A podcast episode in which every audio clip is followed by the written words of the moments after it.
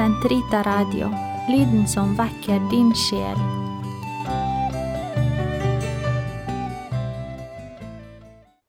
Uke 2, paragraf 36 til 43.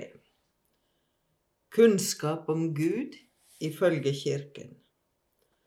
Den hellige kirke, vår mor, tror og lærer at Gud, alle tings opphav og mål, kan erkjennes med visshet ved fornuftens naturlige lys ut fra det skapte.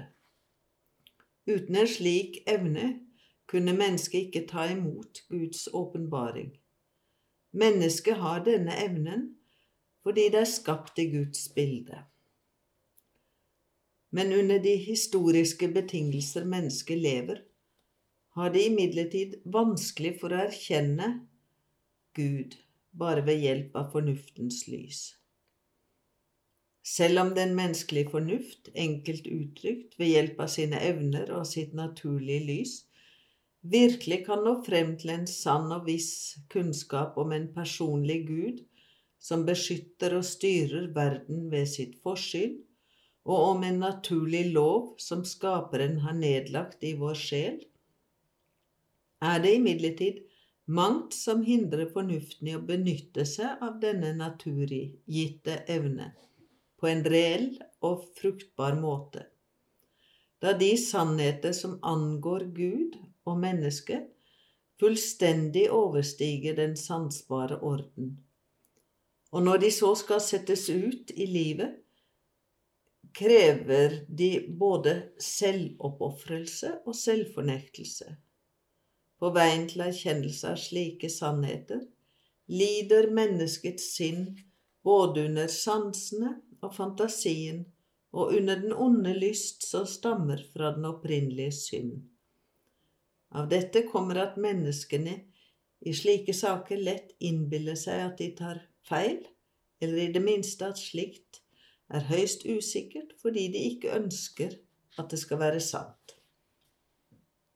Derfor har mennesket behov for å bli opplyst av Guds åpenbaring ikke bare i det som overgår dens forstand, men også angående religiøse og moralske sannheter som i seg selv ikke er utilgjengelige for fornuften, slik at de, i menneskehetens nåværende tilstand, kan erkjennes av alle uten vanskelighet, med visshet og uten mulighet for feiltagelse.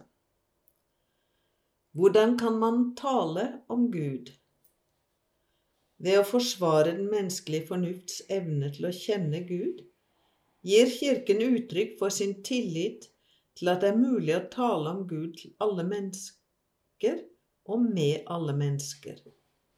Denne overbevisning er utgangspunktet for den dialog den fører med andre religioner, med filosofi og vitenskap, og også med ikke-troende og ateister.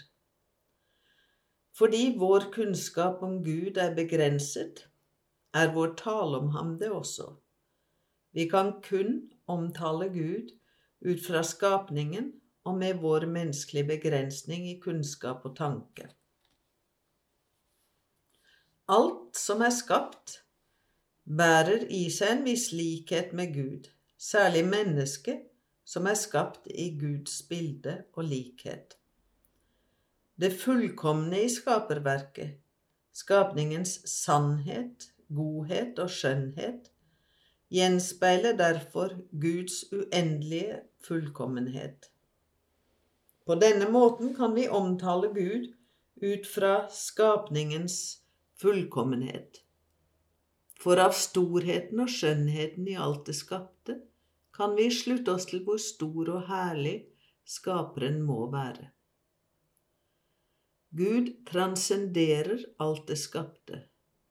Vi må derfor stadig rense vår språkbruk for det den måtte inneholde av begrensning, billedtale og ufullkommenhet, slik at vi ikke forveksler den uutsigelige, ubegripelige, usynlige, ufattelige Gud med våre menneskelige forestillinger om ham. Våre menneskeord er alltid dennesidige, stilt overfor Guds mysterium. Når vi taler om Gud, taler vi visselig på menneskers vis, men allikevel når vår tale frem til ham, selv om den ikke kan uttrykke ham i hans uendelige enkelhet. For vi skal huske at ikke før merkes likheten mellom skaperen og det skapte, før ulik, ulikheten mellom dem fremtrer med desto større tydelighet og også at om Gud kan vi ikke fatte hva han er, bare det han ikke er, og hvordan andre vesener forholder seg til ham.